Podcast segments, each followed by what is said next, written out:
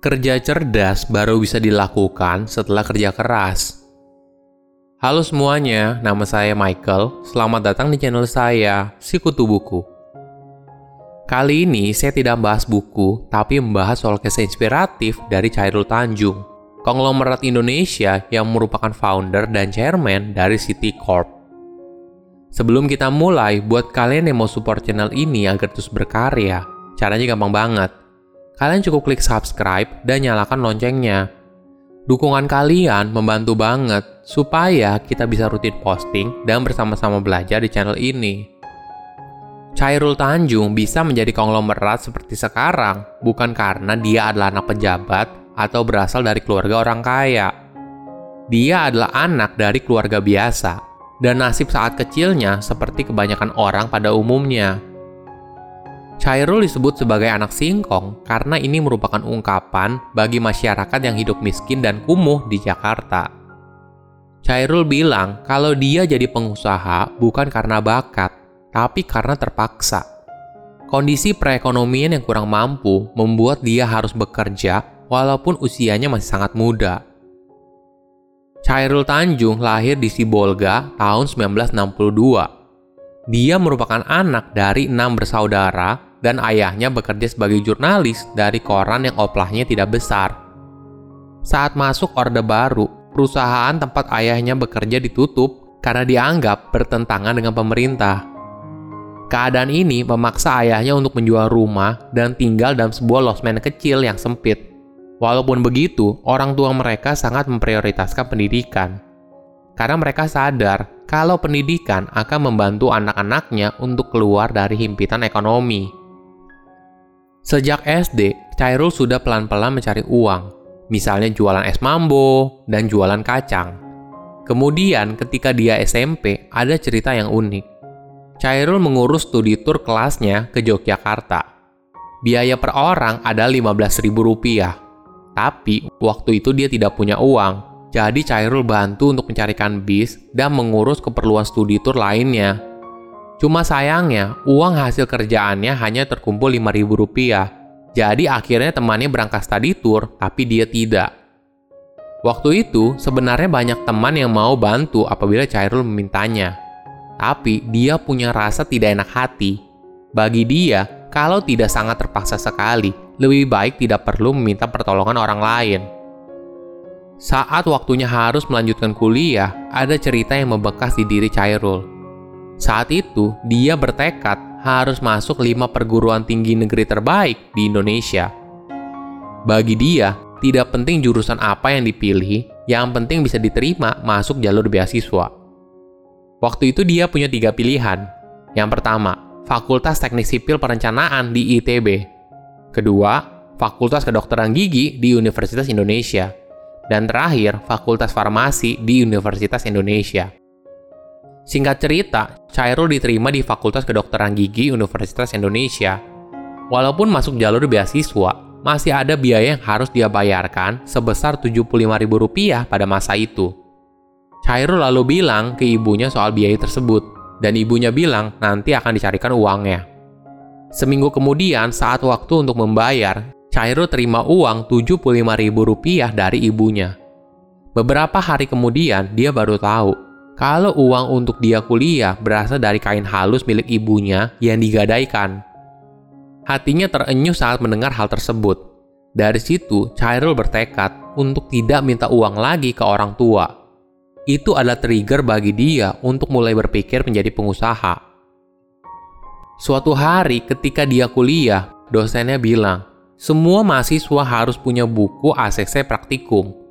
Otak bisnis Chairul pun bekerja dia melihat di depan kampusnya yang terletak di daerah Salemba banyak tukang fotokopi untuk jilid buku. Setelah tanya ke beberapa toko, harga untuk fotokopi dan jilid bukunya yaitu 500 rupiah. Cairul pun ingat ketika dia masih SMP, dia punya teman yang kakaknya punya percetakan. Ketika dia tanya, harga untuk fotokopi satu bukunya ternyata hanya 150 rupiah. Nah, kemudian Cairul bilang ke semua temannya, kalau mau fotokopi dengan dia, harganya 300 rupiah. Akhirnya, semua temannya minta Cairul untuk fotokopi hingga terkumpul 100 orang. Dari situ, Chairul mendapatkan keuntungan Rp15.000 dan itu merupakan uang pertama yang dia dapatkan ketika di kampus.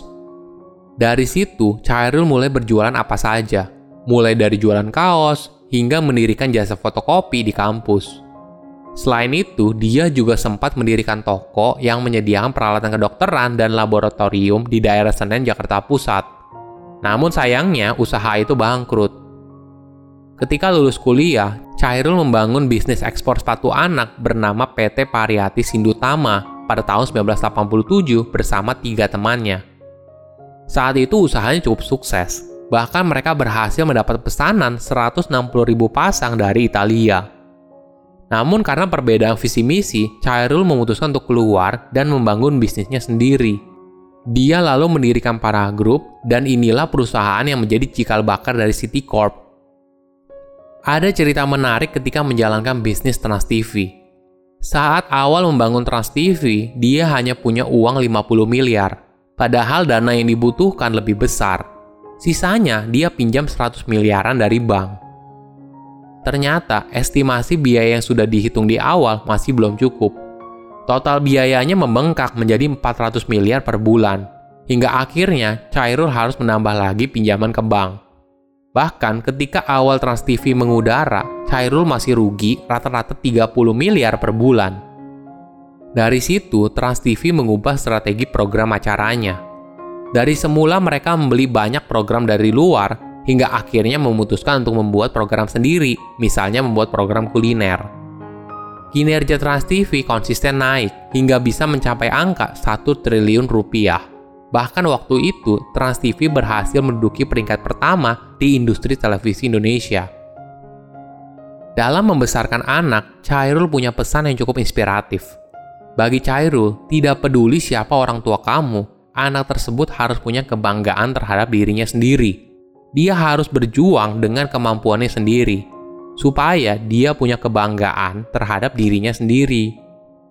Nilai ini yang selalu ditanamkan oleh Chairul kepada anaknya, sehingga apabila anaknya mewarisi bisnis yang telah dibangun oleh Chairul, mereka tidak keberatan untuk meneruskan bisnis orang tuanya, karena pada dasarnya mereka sudah memiliki kebanggaan atas diri mereka. Chairul juga bercerita Ketika anaknya sudah beranjak dewasa, misalnya saat Putri Tanjung berumur 18 tahun, anaknya mulai merasa ada beban berat di pundaknya karena menyandang nama belakang ayahnya. Bagi Chairul, itu adalah sebuah takdir yang harus diterima oleh anaknya dan harus bisa diatasi sendiri oleh dia. Kunci sukses bagi Chairul yang pertama adalah kerja keras. Tanpa kerja keras, orang pintar sehebat apa pun orang paling beruntung tidak akan pernah sesukses orang yang bekerja keras. Jangan perhitungan dalam bekerja, karena kesuksesan bukan hal yang instan. Bagi Cairul, Tuhan Maha Adil. Tidak mungkin Tuhan memberikan kesuksesan bagi orang yang tidak bekerja keras lebih besar daripada orang yang bekerja keras. Kalau sudah bekerja keras, tahapan kedua adalah bekerja cerdas. Jangan cuma bekerja keras saja, tapi tidak bekerja cerdas itu tidak ada gunanya. Baru kemudian kita berserah hasil akhirnya seperti apa. Kesuksesan tidak bisa diraih dalam waktu yang instan. Kerja cerdas adalah tahapan yang baru bisa dicapai apabila kamu kerja keras dulu. Silahkan komen di kolom komentar pelajaran apa yang kalian dapat ketika tahu informasi ini. Selain itu, komen juga mau tahu informasi apa lagi yang saya review di video berikutnya. Saya undur diri, jangan lupa subscribe channel YouTube Sikutu Buku. Bye bye.